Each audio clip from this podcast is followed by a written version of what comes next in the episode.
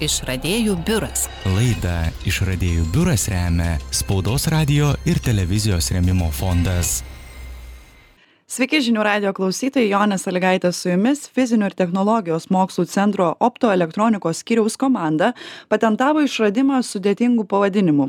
Plačiai juosta aukšto dažnio spinduliuotę generuojantis ir stiprinantis įrenginys, naudojantis puslaidininkės supergardeles. Lietuvių mokslininkai pirmieji pasaulyje sukūrė šį įrenginį. Bet kas tos supergardelės, kuo reikšmingas šis išradimas, kaip vyko kūrimo procesas, apie tai mums šiandien ir papasakos vienas iš šio išradimo autorių doktorantas Vladislavas Čižas. Sveiki. Labą dieną. Perskaičiau išradimo pavadinimą ir tikrai turbūt niekad nesumeluosiu, kad daliai klausytojų susisuko galva, ką, ką tai reiškia ir kas čia vyksta. Tai kaip reikėtų, na galbūt šiek tiek paprasčiau paaiškinti, kokį įrenginį jūsų komanda sukonstravo. Tai sveiki dar kartą, ačiū už kvietimą. Tai mūsų komanda ir mūsų laboratorija ir skyrius e, orientuojasi į terahertzų bangų ruožą tai reikia pradėt biškį nuo toliau. Tai kas tai yra? Tai yra bangų ruožas tarp mikrobangų kur yra vaifajus mobiliojo ryšio priemonės dirba šio šiame bangų ruože ir tarp infraraudonosios spinduliuotės kas yra faktiškai saulės spinduliuotė. Ir iš tikrųjų ši ilgą laiką šitas bangų ruožas buvo labai neišnaudotas dėl skirtingiausių priežasčių. Ir vat mūsų laboratorija ir šiaip ne tik mūsų laboratorija šiuo metu vat vysto būtent prietaisus šiame dažnių ruože dėl jų E, galimo labai plataus pritaikymo galimybių e, kas apima naujas e, ateities ryšių sistemas, ten 7G, 8G, kur dabar žinote, įvairiausias gamybos kontrolės, pavyzdžiui, mūsų kolegos dirba, bendradarbiauja su padangų gamintojais, stebint vidinės kažkokias gamybos metu brokus ir taip toliau, farmacija, arba ta pati apsauga, taip pat vokų skenavimas yra galimas ir netgi sprogmenų aptikimas. E, ir šiam momentui didžiausia to ruožo riba, e, kas trukdo būtent gyveninti ją plačiai visuomenėje ir pasaulyje, yra labai brangus, dideli ir mažos galis e, šaltiniai, būtent terahertzų bangų ruožą. Ir čia jau ateiname mes, pasiūlydami savo sprendimą panaudoti generavimui terahertzų supergardeles. Ir būtent tai yra naujas etapas, kur mes tikimės, kad kažkurio momentu leis būtent paskleisti terahertzų bangų ruožą platesniam naudojimui. O kalbant, kasgi yra tos supergardelės, tai vėlgi paprastai šnekant, mm, yra taip vadinami metalai, kur labai visi gerai žinome, kur laiduose, kur teka ir jie yra labai geri laidininkai, vėlgi laidai, elektra ir taip toliau. E, mes orientuojamės į taip vadinamus puslaidininkius, kurie greičiausiai irgi yra visai neblogai žinomi e, Lietuvoje, nes puslaidininkiniai lazeriai visą laiką yra ant bangos. Tai kuo jie skiriasi, puslaidininkiai tu, turi tam tikrą draustinį juostos tarpą. Jeigu labai paprastai aiškint, jeigu metaluose elektronai gali būti bet kokios energijos, tai puslaidininkė yra tam tikras draustinis juostos tarpas, kuris skiriasi nuo e, skirtingo puslaidininkių tipo ir supergardelės yra iš dviejų skirtingų puslaidininkių sudaryta struktūra.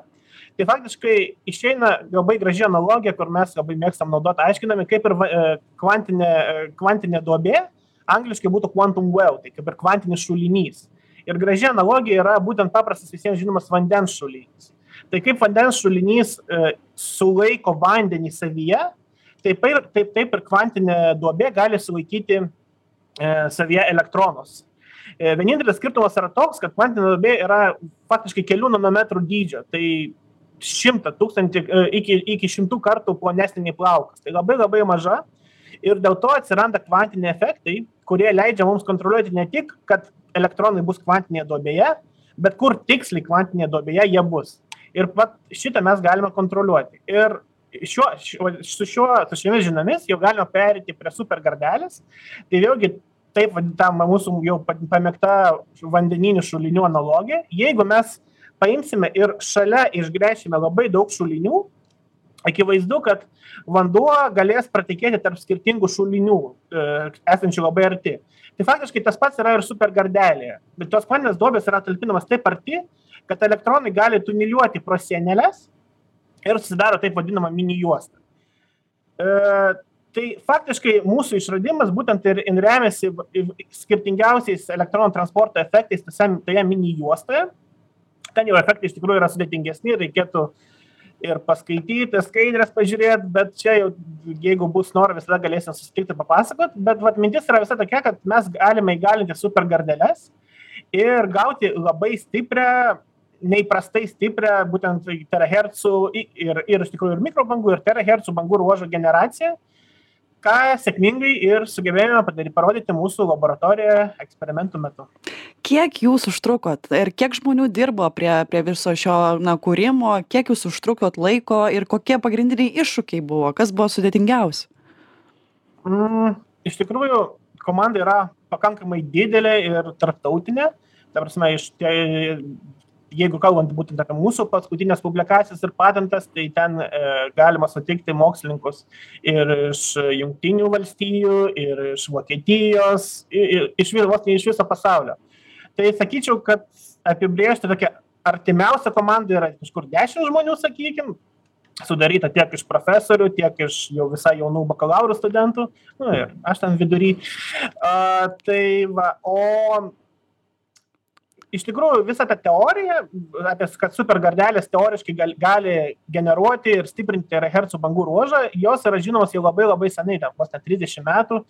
Ir mūsų seniausi kolegos irgi yra prisidėję prie tų pirmųjų žingsnių bet e, mūsų visas tas naujumas kurį mes sugebėjom parodyt mes esame pirmi e, sugebėję parodyti eksperimentiškai įrodyti kad taip tai tikrai veikia ir tai galima naudoti. O atsakant apie sunkumus a čia visada yra sudėtinga iš tikrųjų nes a e, kai darai mokslą kažką naujo tu niekada nežinai kur gali kažką ne taip padaryt. Tai sakyčiau mm, sunku buvo plius minus padaryt viską bet mūsų bendra kompetencija skirtingiausiose e, fizikos srityse būtent įtakoja tai kad pavyko galiausiai gauti teigiamus rezultatus. Ir kas vyksta dabar? Na ar pritraukiate mokslininkų dėmesį ar sulaukiate galbūt ir pasiūlymų kažkokių iš verslo? Na kas dabar būtent vyksta su jūsų įrenginiu? Tai šiuo momentu vėlgi tos pirmosios publikacijos yra tik pirmi žingsneliai. Mm, mes parodėme kad tai veikia. Dabar mes eksper tęsiame mūsų eksperimentinę veiklą bandome išplėsti galimybes dar daugiau padidinti našumus. Kalbant apie susidomėjimą iš pramonės tai sakyčiau jo kol kas jis kol kas yra labai nedidelis kadangi tai yra tik taip vadinamas proof of concept e, pasiekimas. Tai mes parodėm kad tai veikia bet e, pramonė norėtų jau daugiau paruoštą gamybą e, prietaisą būtent tai mes link to ir dirbame sėk tikiuosi sėkmingai. Ir pavyzdžiui na tuos pačius verslo atstovus pramonės atstovus dėl ko na būtent šis renginys turėtų labai sudominti? Na galbūt šiek tiek daugiau apie tą pačią reikšmę. Jūs minėjot kad na e, galima čia kalbėt ir apie septyni gie ir ir panašius dalykus bet na kur tos na pagrindinės pagrindinės ir svarbiausios jūsų įrenginio savybės kurios na pritrauks veikiausiai ateityje tikrai ir verslininkus ir pramonę?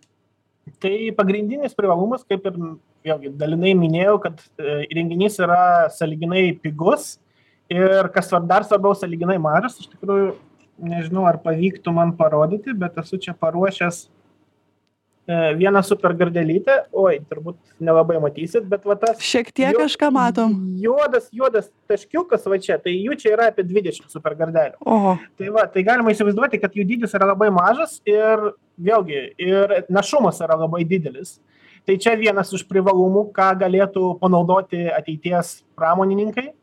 Ir bet vėlgi kaip ir minėjau terahercų bangų ruožas dabar tik įgyja tą visą galią nes lygiagrečiai su mūsų šaltiniais taip pat mūsų laboratorijose kolegos būtent ir vysto ir taip pat galimus pritaikymo metodus. Tai e, artimiausia ką dabar vat kas kad su kuo dabar esame e, dirbame yra visokiausias apsaugos priemones tai pagrinde vokų skenavimas. Kaip pavyzdžiui mes žinome kad vokuose turėtų būt tik popierius. Mes galima greitai suskenuoti ir terahercai labai gerai parodo kad nu ten tikrai ne popierius ten yra dar kažkas ir tai tikrai labai gražiai matosi.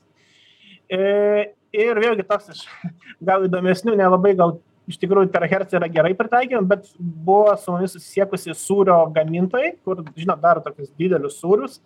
Ir jiems labai rūpėjo kad vidury viduje nebūtų visokių tuštumų ir taip toliau.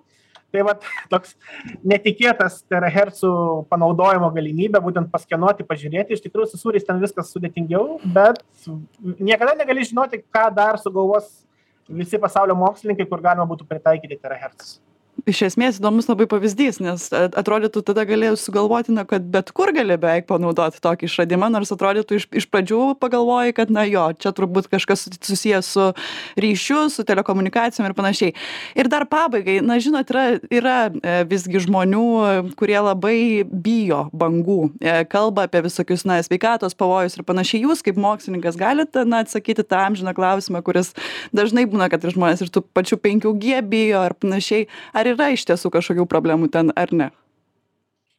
O, nu, aš jau dešimt metų dirbu šioje laboratorijoje, tai išskyrus didelį, jokių blogybių nepastebėta, bet e, jeigu kalbant rimtai, tai čia vėlgi atsiranda tam tikras privalumas, vėlgi čia e, su 5G gal nepasiginčysi, ten žmonės savų idėjų turi, kartais su mokslu nelabai suderinamų, bet e, kitas terahercų privalumas yra kad e, vėlgi grįžtant prie tos apsaugos ir skenavimo jis yra daug sakykim visiškai nežalingas lyginant su radiacinėm visokiom priemonėm kur mes darom skenavimus tai aš sakyčiau nereikia bijot terahercų terahercai yra mūsų draugai ačiū jums labai kad skyrėt laiko. Kalbėjomės su šio išradimo autoriumi vienu iš autorių doktorantu vladislovu čižu. Šiandien tiek klausytojams sakau iki kitų kartų. Dėkui puikus pašnekovas. Dažnai kalbinu mokslininkus ir kartais sunku mokslininkams paaiškint paprasta kalba. Jūs puikiai viską išdėstėt. Ačiū labai